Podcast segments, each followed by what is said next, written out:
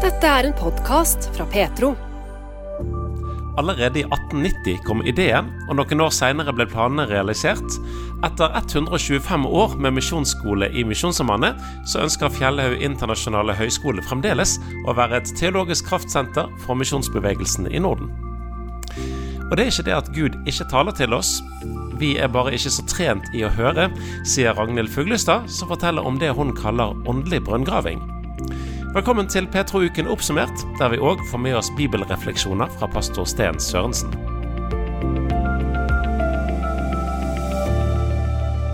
I år er det altså 125 år siden Fjellhaug misjonsskole startet opp. Det er nå Frank Ole Thoresen som er rektor på det som nå heter Fjellhaug internasjonale høgskole. Tanken om dette prosjektet startet faktisk allerede en del år tidligere enn for 125 år siden, allerede i 1890. Ja, vi feirer jo 125-årsjubileum i år, og det er jo en historie som vi tenker er uh, vel verdt å markere. Uh, 125 år, det er, det, det er en, en, stolt historie. men det begynte faktisk helt tilbake i 1890, før Kinamisjonsforbundet ble etablert. Eh, for i sånne sonderingsmøter før Kinamisjonsforbundet altså Kinamisjonsforbundet ble jo etablert i 1891. Så før, eh, før, det så hadde man sonderingsmøter bortover på Vestlandet, og allerede da var det tydelige røster som sa at en misjonsorganisasjon kan ikke klare seg uten å ha sin egen utdanningsinstitusjon. Og så gjorde man seg faktisk en del erfaringer utover på 1890-tallet de første misjonærene ble sendt til utlandet for å, å bli utrustet øh, til det de skulle møte i Kina. Øh, og øh, det man så opplevde, var jo at misjonærene kom ut på feltet med litt ulik teologisk bagasje. Og det skapte faktisk litt spenninger ute blant uh, misjonærene. Så det var uh, sånn sett litt uheldige erfaringer. Og så skulle man uh, sende ut nye studenter rundt 1900. Og, og, de prøvde å få plass til noen av disse på Misjonshøgskolen i Stavanger, som da allerede eksisterte, men der var det fullt. Og så var det altså at i 1898 da, på Framnes i Hardanger at man tok opp de første studentene Eh, til eh, teologiutdanning. Og der var det en eh, mann som het Johannes Brandtzæg, som hadde giftet seg med en rik enke. Tina Skau het hun. Og de ble enige om at de skulle bruke hennes formue på utdanning, kristen utdanning. Så de etablerte jo først en, ja, si, en ungdomsskole, det man i dag ville kalle en folkehøyskole i 1897. Og så, og så ble det, dette utviklet videre da, til misjonsskole fra 1898. Jeg pleier å si at det er jo litt gøy at uh, Misjonssambandets uh, teologiutdanning ble bygd opp med midler fra bryggerivirksomhet. For, for, for Tina Skau hun, altså, hun, arvet midler fra Skaus bryggerier. Så en del penger kom derfra da når man startet denne virksomheten. Guds være uransakelige. Ja, det skal jeg visst. du, etter hvert nå så er det altså 1000 mennesker, har dere sagt sjøl, som har blitt sendt ut i misjonen etter å ha gått på, på Fjellhaug. Dette er et stort spørsmål, men kan du si litt Frank Ole, om hva denne skolen har betydd for norsk misjon? Ja, det tror jeg er veldig vanskelig å, å liksom helt, uh, å helt uh, si. Men Fjellhaug har jo vært med på både å holde på en måte misjonssaken høyt i misjonsfolket, misjonsbevegelsen eh, her i Norge. Og så har vi jo fått utruste alle disse menneskene som har reist ut som misjonærer på misjonsfeltene. Og det har nok eh, gjort de i stand til å fungere på en mye bedre måte enn hva man ellers ville ha gjort. Mm. Og jeg tror også at man vil, eh, vil kunne se at de som har sin utdannelse fra Fjellhaug, på en måte har hatt en lengre tjenestetid enn hva mange andre eh, misjonærer har hatt. Eh, altså at man har på en måte hatt en forberedelse i, forhold til hva man møter ute på feltene. Og så tror jeg at Fjellhaug har betydd mye i forhold til å sørge for at eh, det var en ansvarlig misjonsvirksomhet som, som, foregikk ute på feltene. Altså at At, at misjonærene gjorde arbeidet på en skikkelig måte. Og i tillegg så tror jeg gjennom alle disse årene at veldig mange har møtt et misjonærkall her på Fjellhaug. Dette er jo ting som ikke er så enkelt å sette på en formel, men Fjellhaug har betydd enormt mye for kirkevekst rundt omkring i hele verden. Altså, veldig mange av misjonærene som tjenestegjorde i Etiopia f.eks., hadde jo sin bakgrunn fra, fra Fjellhaug. og Stort sett i alle de feltene hvor Misjonssambandet har hatt uh, virksomhet, så har misjonærene blitt utrustet på Fjellhaug før, før, utreise. Så, mm. så, her er det mange kirker rundt omkring i verden som, som, hvor Fjellhaug har fått lov til å være med og bety noe. 125 år med misjonsskole. Nå heter ikke det misjonsskole lenger, men, men, er det like fullt? Eh, for noen år siden så kom det på plass at det ble høgskole. Du er rektor for Fjellaug internasjonale høgskole. Hvor viktig var det å få på plass? Ja, vet du, eh, Allerede fra jeg tror sånn slutten av 1980-tallet så begynte jo egentlig skolens ledelse og arbeide veldig aktivt med å få på plass formelle godkjenninger. Og i dag tror jeg ikke det ville vært mulig å overleve om vi ikke hadde hatt offentlige godkjenninger som en, en høyskole. Men, men, først så begynte man jo arbeidet med å få internasjonale godkjenninger, og fikk det på plass utover på 90-tallet. Og så kom det på plass liksom godkjenning for enkelte studieløp, og vi fikk bachelor og master. Og så har egentlig dette arbeidet fortsatt helt fram til nå i 2018, hvor vi fikk en, en endelig altså godkjenning som en akkreditert høyskole. Eh, hvor vi selv da liksom styrer mye over våre egne studieprogram. da. Ja, hva betyr det? Dette er jo litt sånn teknisk, men det betyr at vi står veldig mye friere til å opprette og legge ned program og styre skolen sånn som vi selv vil. Men jeg, jeg syns en måte å besvare det der på, det er eh, en samtale jeg hadde for noen år tilbake med representanter for en misjonsorganisasjon i Finland. For de fortalte at de hadde en fireårig misjonærutdanning som altså var en slags søsterutdanning til, til Fjellhaug. Frem til uh, utover på 80-90-tallet. Og når de liksom opplevde at dette kravet om offentlige godkjenninger og sånn kom, så valgte de å gjøre om sin utdanning til en ren bibelskole. Og i dag så opplever de egentlig at de er i en slags sånn teologisk krise, fordi de sender ungdommene sine inn i de offentlige universitetene, og de kommer ut med en, en teologi som gjør at de opplever at de ikke kan brukes i misjonsbevegelsen. Og de, de, opplever på et vis at de mister den teologiske muligheten til å liksom kontrollere teologien i, i organisasjonen. Da, og ser i dag på muligheter for å, å, ta tilbake noe av dette og få offentlige godkjenninger igjen. Så jeg tror at det, vi har vært helt avhengig av det flotte arbeidet som ble gjort allerede fra 80-tallet og fremover for at Kjellaug skulle bli en offentlig godkjent høyskole. Skolen heter altså Fjellhaug internasjonale høyskole, og det å være internasjonal har alltid vært viktig, men har likevel blitt mer aktualisert de siste årene. Studenttallet har òg økt, forteller rektor Frank Ole Thoresen. I år så har vi i underkant av 400 studenter på høyskolen. Hvis vi går ti år tilbake i tid, så hadde vi under 100 studenter. Så det har jo skjedd enormt mye fra uh, omkring 2010 og fram til i dag. Og så er jo institusjonen endret ganske mye, i den forstand at vi har uh, opprettet to avdelinger i Danmark. Så bortimot 100 av studentene våre er uh, på campus i Danmark. Og her i Oslo så har vi også en mye større gruppe med internasjonale studenter. så sånn 70-80 studenter kommer fra stort sett fra det globale sør for å studere teologi her hos oss. Så du kan si at dette ordet internasjonal har jo alltid vært helt sentralt for Fjellheim. Altså, vi har utdannet um, til misjonstjeneste, vi har ut, hatt liksom dette globale utblikket.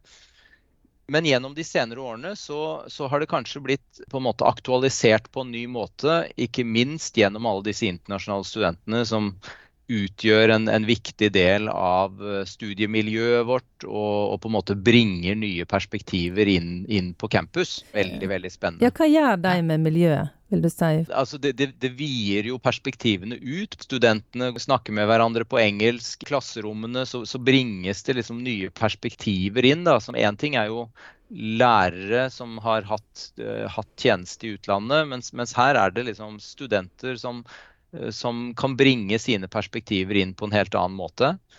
I tillegg så får vi jo noen veldig sånne spennende erfaringer der hvor studenter bringer liksom det utenfra-blikket på norsk kultur på Fjellhaug utenfra. Og ikke minst altså, hva det betyr å komme som, som, migrant til Norge. da. Det er jo også veldig veldig spennende. Så her er det mye som har endret seg da, siden jeg var student. Mye som har endra seg, sier du Frank Ole Thoresen. Hva med fokus, har det endra seg? Ja, altså vi har jo fortsatt det overordnede fokuset at Fjellhaug skal utdanne til tjeneste.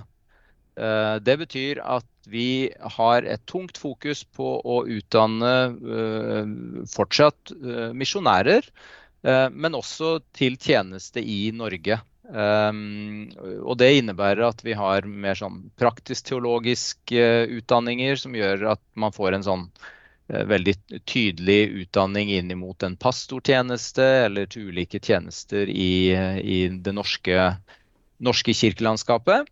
Og I tillegg så har vi nye linjer, som f.eks. årsstudium i sjelesorg, som er nytt av året. Og, og, vi har også opprettet en ny linje som går på å utdanne mennesker som skal jobbe med flyktninger, innvandrere, eh, altså integreringstematikk. Eh, et studium i integrering, kultur og religion, som jeg også syns er veldig spennende. Vi har en sammensatt studieportefølje og, og prøver å ivareta det beste og på en måte det som, det som er det viktigste med Fjellhaugarven, og så fortsette å utvikle institusjonen i forhold til de behovene som oppstår uh, i samfunnet vårt.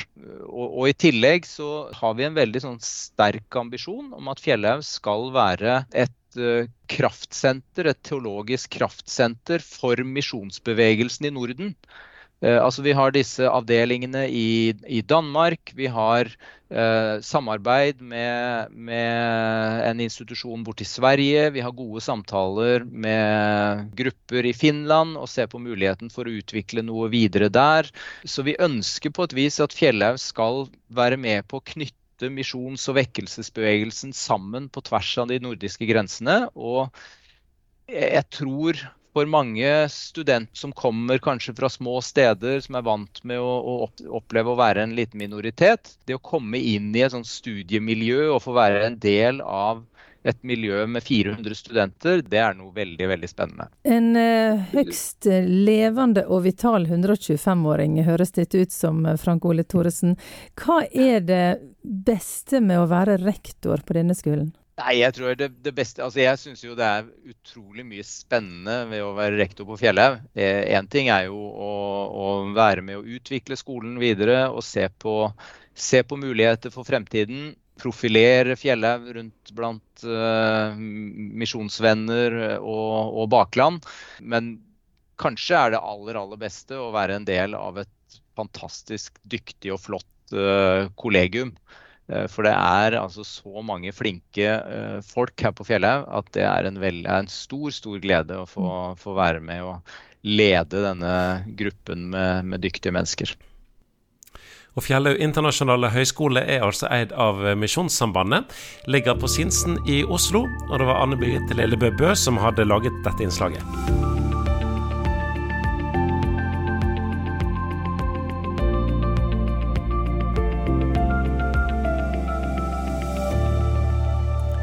I 2021 så var Ragnhild Fuglestad sjuk, og hun hadde lenge bedt til Gud fordi at hun følte på det at hun ikke greide å være den moren, den konen eller den arbeidstakeren hun så gjerne ville når hun var sjuk.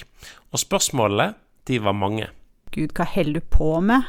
Hva, hva, skal, hva, skal, du? Du må jo sende meg tilbake på jobb, du må helbrede meg, du må gjøre meg frisk. Når skal du sende meg tilbake som arbeider i ditt rike? Og, og hva var jobben din? Det, som lærer i Gjesdal ungdomsskole. Og mm. jeg bygde Guds rike, følte jeg, med å be for ungdommene og gi dem mitt beste.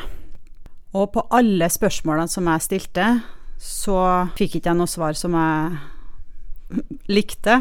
Eh, til slutt så hørte jeg bare 'barnet mitt', 'barnet mitt'. Jeg begynte å skrive ned alt hva jeg tenkte, og alt hva jeg syntes jeg hørte, og han bare gjentok på alle spørsmålene mine barnet mitt. Og da, etter noen uker med det, så spør jeg han er det veldig viktig for deg at jeg forstår at jeg er barnet ditt. Og da svarer han ja, det er veldig viktig for meg at du forstår at du er barnet mitt. Du, når du sier at Gud sier, hvordan hører du ei stemme? Er det en fornemmelse? Hva? Mm.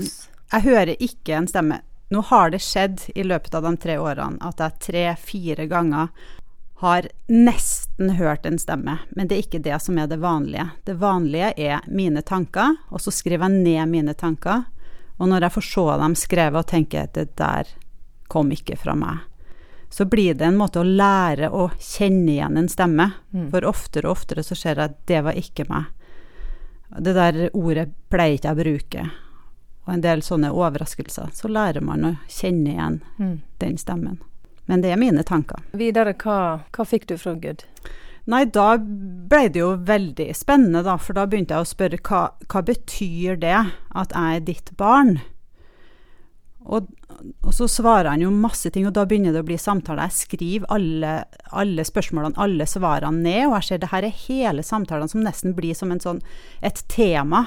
Jeg får daglig et tema av Gud, nye ting han vil lære meg, og veldig mye handler om å bytte ut løgner som jeg tror på.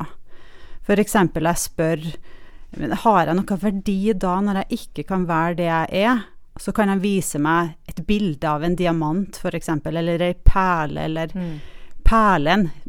Tenker du at den er nok, er perlen nok for deg, eller kan du elske barnet i deg? Sånne ting. Og det er sånne sannheter som er for store for meg til å forstå der og da, men jeg leser dem om igjen og om igjen, dveler ved dem og er i dem, og plutselig blir grunnmuren min under meg forandra. Han bytter ut løgn, at jeg er verdiløs, ubrukelig, udugelig, sånne tanker som kommer når du ikke kan jobbe lenger, ikke kan være den du pleier å være, ikke kan være flinkis, som, som jeg syns det var kjempegøy å være, og begynner å bytte ut til noe helt annet. En av de tingene han f.eks. sier, jeg spør han hvor vil du ha meg? Ja, men hvor vil du ha meg da? Jeg kan gjøre ingenting.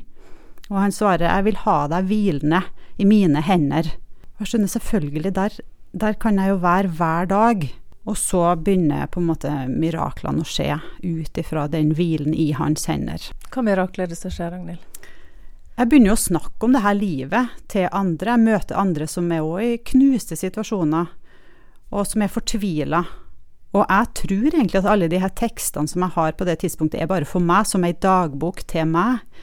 Men da kan jeg jo si sånn Det her har jeg snakka med, med, Gud om. Vil du, vil du, lese hva han sa, eller vil du høre hva han sa? Og så viser jeg tekstene, viser samtalene. Så blir de veldig berørt. Og det her skjer igjen og igjen og igjen. Og jeg tenker, er ikke bare for meg? Skal det her ut? Skal det her ut til andre mennesker? Mm. Og så er det jo det der at jeg får bilder samtidig, og jeg har aldri kunnet tegne. Altså, jeg har aldri kunnet lage noe som ligner på noe. Så de bildene inni meg, skjønner jo ikke jeg hvordan jeg skal Hvordan skal det bli bilder? Jeg tror det er andre som skal lage det.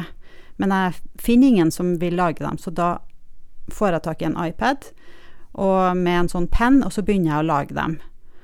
Og så blir det bilder med tekster til. Og så er det ei venninne av meg som sier for jeg prøver å lage ei bok, men det er himmelsk uh, umulig prosjekt. Uh, så, så, sier hun Kan ikke du lage kort av det, med bilder på ene sida og teksten på andre? Så gjør jeg det. 17 kort til å begynne med.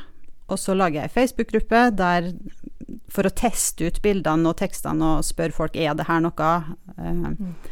Og den Facebook-gruppa bare vokser og vokser.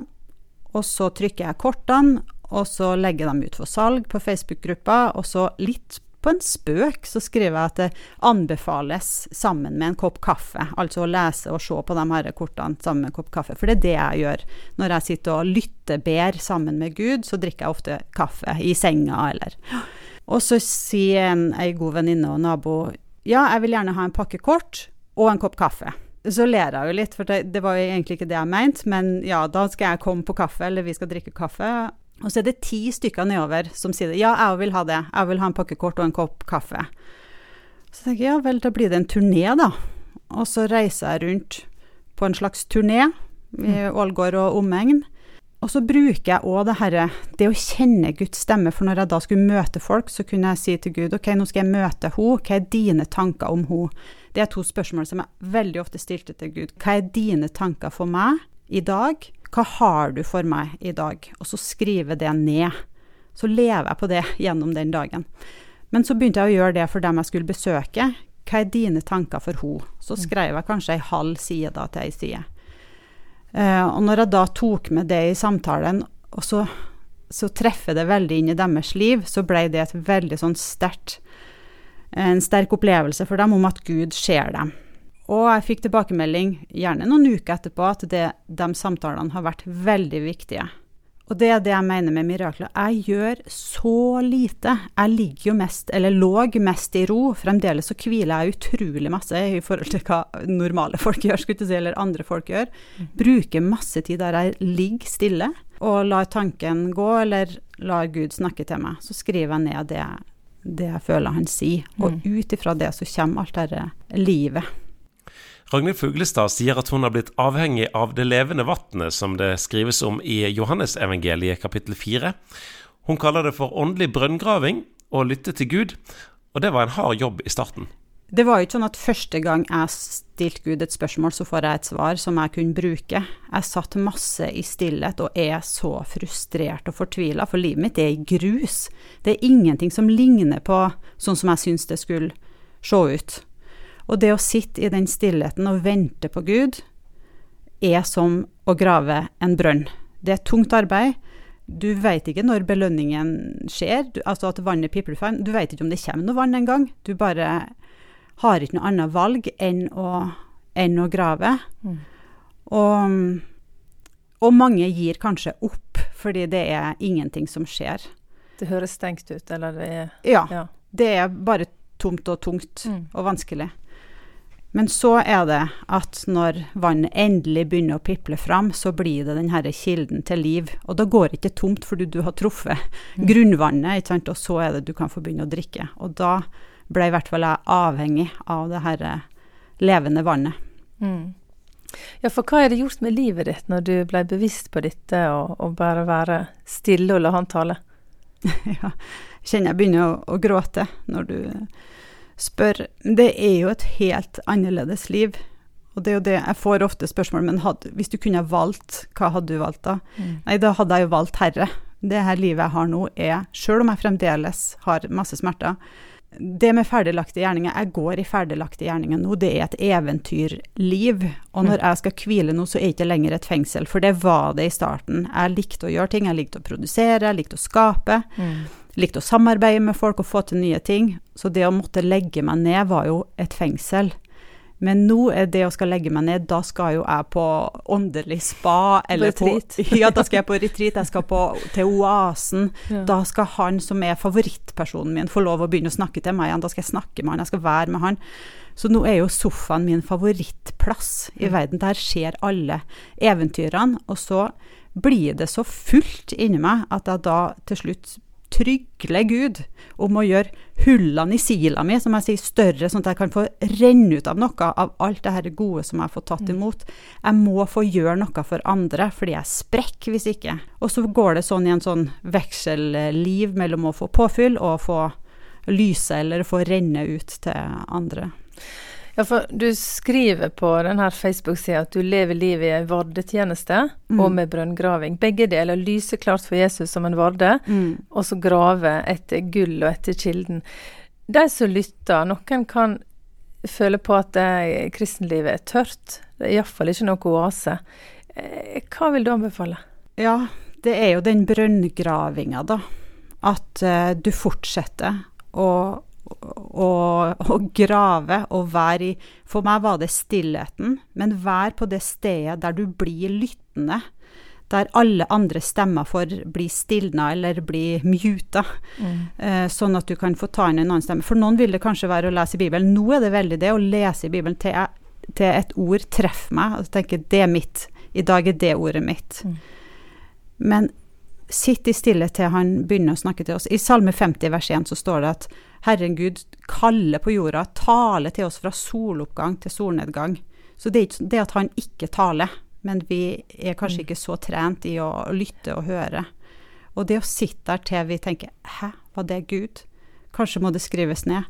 Er det Gud som snakker til meg? Og så blir man mer og mer kjent med, med stemmen. Hvordan vet du at det er Gud som snakker til deg, ikke bare egne tanker? Har ikke peiling, men vi kan sjekke med Bibelen, og det måtte jeg gjøre mange ganger når jeg fikk helt sånn utrolige ting. Så tenkte jeg, er herre bibelsk? Og så gikk det ikke så lenge, mange dager etterpå, så la seg i Bibelen og kom over ting som tenkte, her står jo det som jeg fikk for noen dager siden, det er bibelsk. Så mm. Bibelen er jo den fasiten vår som vi kan sjekke ting opp mot, og kanskje går noen ting litt lengre tid. Og jeg må jo alltid si at jeg veit ikke, plutselig er det noe som bare kommer fra meg. Men jo mer jeg er i det, jo mer og mer lærer jeg jo å kjenne igjen de tingene som er fra han. Mm. Og hvis det er noe som gjør at jeg føler meg nedbrutt, så vet jeg at det er ikke fra han. Det er alltid trøst og oppmuntring i det han sier. Til og med når han begynner å lyse på ting i livet mitt som ikke er bra, noe jeg skal få ta et oppgjør med, så er det forbundet med så masse kjærlighet at det er jo ingenting jeg heller vil enn å legge det fra meg, nagle det til korset sitt. Jesus, ta det, jeg vil ikke ha det, jeg vil ikke ha den utingen i mitt liv. Mm. Så vet jeg at kjærligheten hans vil jo hjelpe meg til å, til å fjerne det. Brønngravinga er dette her med å leite og komme fram til kilden. Det, det vardetjeneste som jeg nevnte, hva, hva er det? Det har jeg egentlig ikke funnet på sjøl. Det vil jeg jo si mest av, av, alt jeg lever i. Nå har jeg ikke funnet på sjøl, men det med vardetjenesten kom en ettermiddag jeg skulle hvile. Og da spør jeg egentlig Gud, hva skal vi gjøre for at folk skal ville snu, vende seg, begynne på den lange veien hjem til deg, far, og fortsette helt til de er hjemme? Og så la jeg meg for å hvile. Men jeg, i det samme jeg bare lukker øynene, så føler jeg Gud si dere må stille dere til verdetjeneste. Og jeg, jeg, må se i Bibelen, for det er jo en sånn ting jeg ikke Jeg skjønner egentlig ikke hva han helt mener med det, og da kommer jeg til Habakuk, jeg vet ikke hvordan man sier det engang, der at man, jeg stiller meg opp for å tale det som du sier til meg at jeg skal tale.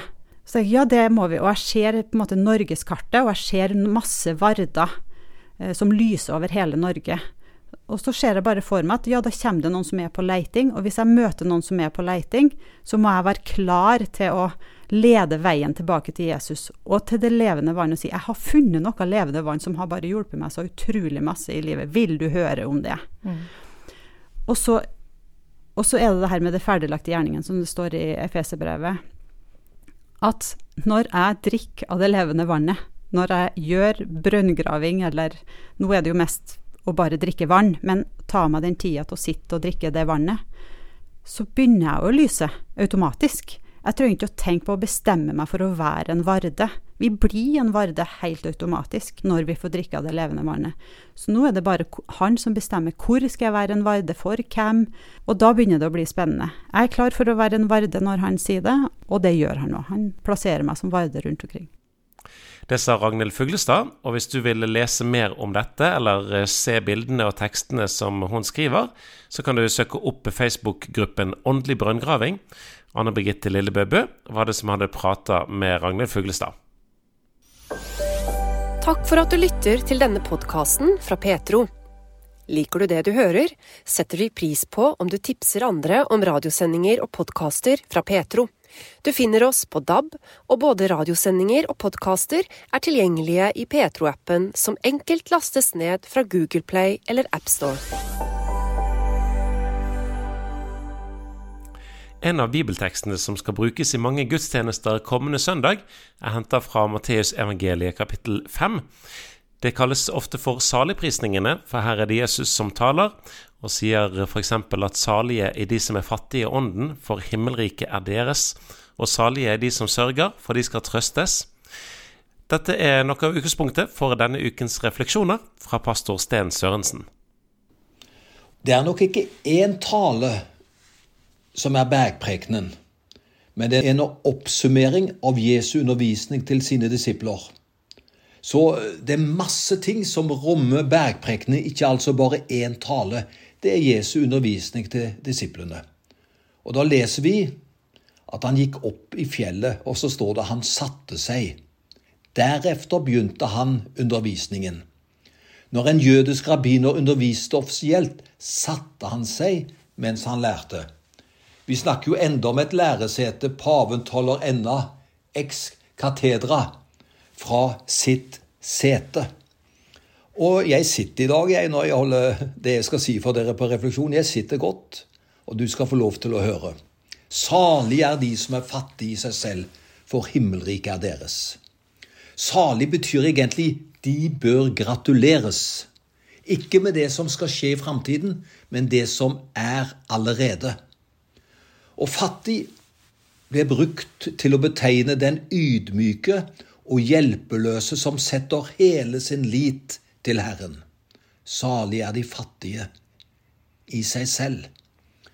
Og det står i Salme 34 vers 7 En stakkar ropte, og Herren gav svar. Han frelste ham ut av alle trengsler. Den fattige er den som er løst fra tingene, men som er bundet til Gud. Gud betyr alt. Den er salig den fattige har nemlig innsett sin egen totale hjelpeløshet og har satt hele sin tillit til Gud. Den er jo salig, som setter all sin tillit og sin tro på at Gud er mektig og griper inn.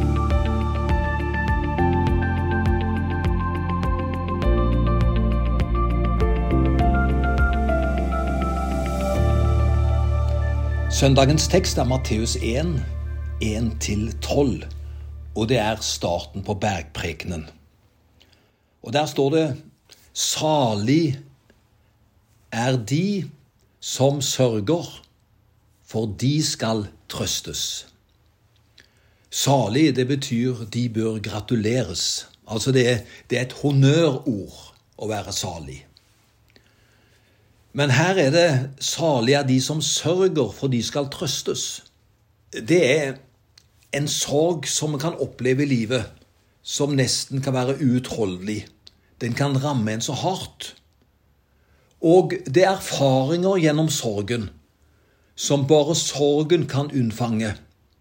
For i sorgens stund oppdager vi medmenneskene, og vi oppdager Gud som aldri før. Det kan være veldig tungt å gå gjennom sorgperioder. Det kan virkelig ta på. Men når vi kommer gjennom dem, så opplever vi at Gud var til stede. Han var der. Og så opplever vi Gud som aldri før. Og vi kan også oppleve våre medmennesker på en ny måte. De står der. Sorgen samler. Og Derfor skal vi ta det med oss, for det er en realitet av livet, dette også. For Jesus han var jo opptatt av det virkelige livet. Og så sier han salige er de som sørger, for de skal trøstes. Og så er det også en sorg som ikke bare gjelder oss sjøl, men det er også en fortvilelse over verdens sorger og lidelser. For kristendommen den er virkelig omsorg. Og i dag har vi grunn til å sørge over all lidelse i verden. Vårt hjerte må være knust for verdens lidelser, men også for vår egen synd. Og gjennom vår sorg vil vi finne gleden i Gud.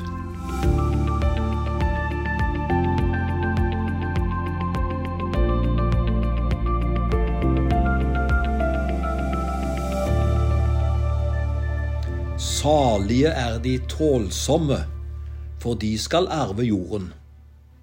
Tålsomhet blir før oversatt med saktmodige. Salig er de saktmodige, for de skal arve jorden. Men det betyr også tålsomme. Moses var den største leder og den største lovgiver verden har sett. Men til tross for han var en stor leder, og kanskje den største personen i Gamle testamentet, så ble han kalt for verdens mest saktmodige menneske. I 4. Mosebok 12 vers 3 står det Moses var en meget ydmyk mann, mer ydmyk enn noe annet menneske på jorden. Tenk at han var verdens mest saktmodige, tålsomme person. Men Moses han var ingen bløktaktig skikkelse. Han kunne også bli flammende sint, men han holdt sitt sinne i tømme og var klok og viselig. Og det står i ordspråket 1632 Den som styrer sitt sinn, er bedre enn én som inntar en by.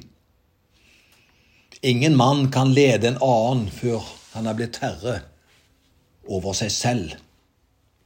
Det mennesket som overgir seg til Guds fullstendige kontroll, vil oppnå den tålsomheten som vil gjøre ham i stand, faktisk talt, til å arve jorden. For de tålsomme, de skal arve jorden. Og her må vi vel si, når det gjelder tålsomhet og sakmodighet, så trenger flere av oss Guds hjelp. Men han vil hjelpe oss så vi kan få en fin dag og få fine samtaler og være til hjelp for andre mennesker.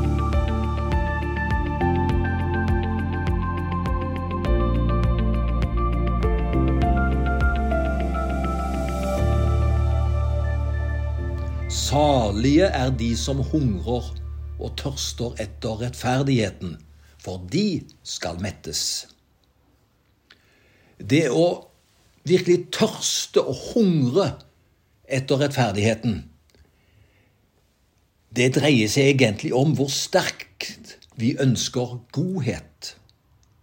Ønsker vi godhet like sterkt som en sulten person gjør efter mat, og en tørstig efter vann? Med andre ord, hvor intenst er vårt begjær efter godhet og rettferdighet? Det finnes ulike former for godhet. Det finnes en overfladisk godhet.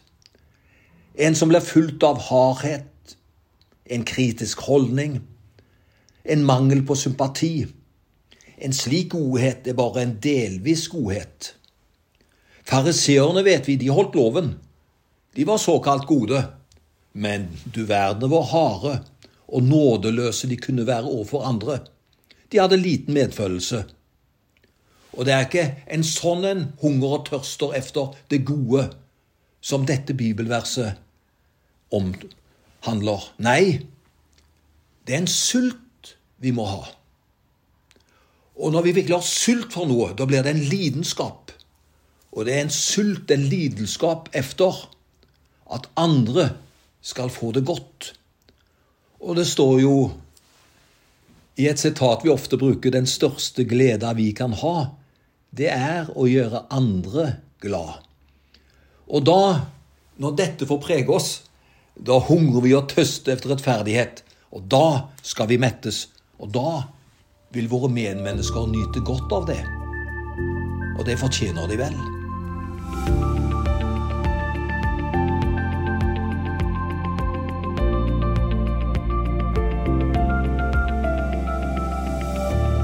Salige er de barmhjertige, for de skal få barmhjertighet. Det er bare de barmhjertige som mottar barmhjertighet. Det er en klar tråd som vi ser i Det nye testamentet. Barmhjertighet, det er noe sterkt. Det betyr egentlig evnen til å komme under huden på den andre, slik at vi kan se ting med hans øyne, tenke ting med hans tanker og føle ting med hans følelser. Det er alltid et klokt og riktig spørsmål å stille seg. Hvorfor oppfører NN seg slik han gjør? For hvis vi kjente grunnen til oppførselen, ville det bli lettere å forstå og å føle sympati, og ikke minst til å tilgi. Vi ser ofte ting på avstand, og vi danner oss egne meninger og bilder. Og så kjenner vi på ingen måte virkeligheten. Tenk om vi mer kunne levd oss inn i andres liv. Lære vedkommende å kjenne, komme nær. Da vil vi ha et helt annet bilde av situasjonen. I Jesus Kristus, og det er evangeliet, i Jesus Kristus kom Gud under huden på menneskene. For han kom som et menneske. Han kom og så tingene med menneskeøyne. Fordi han ble et menneske som oss. Han følte slik vi gjør. Så Gud vet hvordan livet er. For han kom helt på innsiden av livet. Det høyeste eksempel på barmhjertighet er Guds komme i Jesus Kristus. Våre medmennesker trenger å møte den barmhjertigheten som nettopp vi har opplevd. Og får de oppleve den barmhjertigheten, da blir de velsigna. Og da skal også vi få barmhjertighet. Jeg ønsker alle en rik og velsignet helg.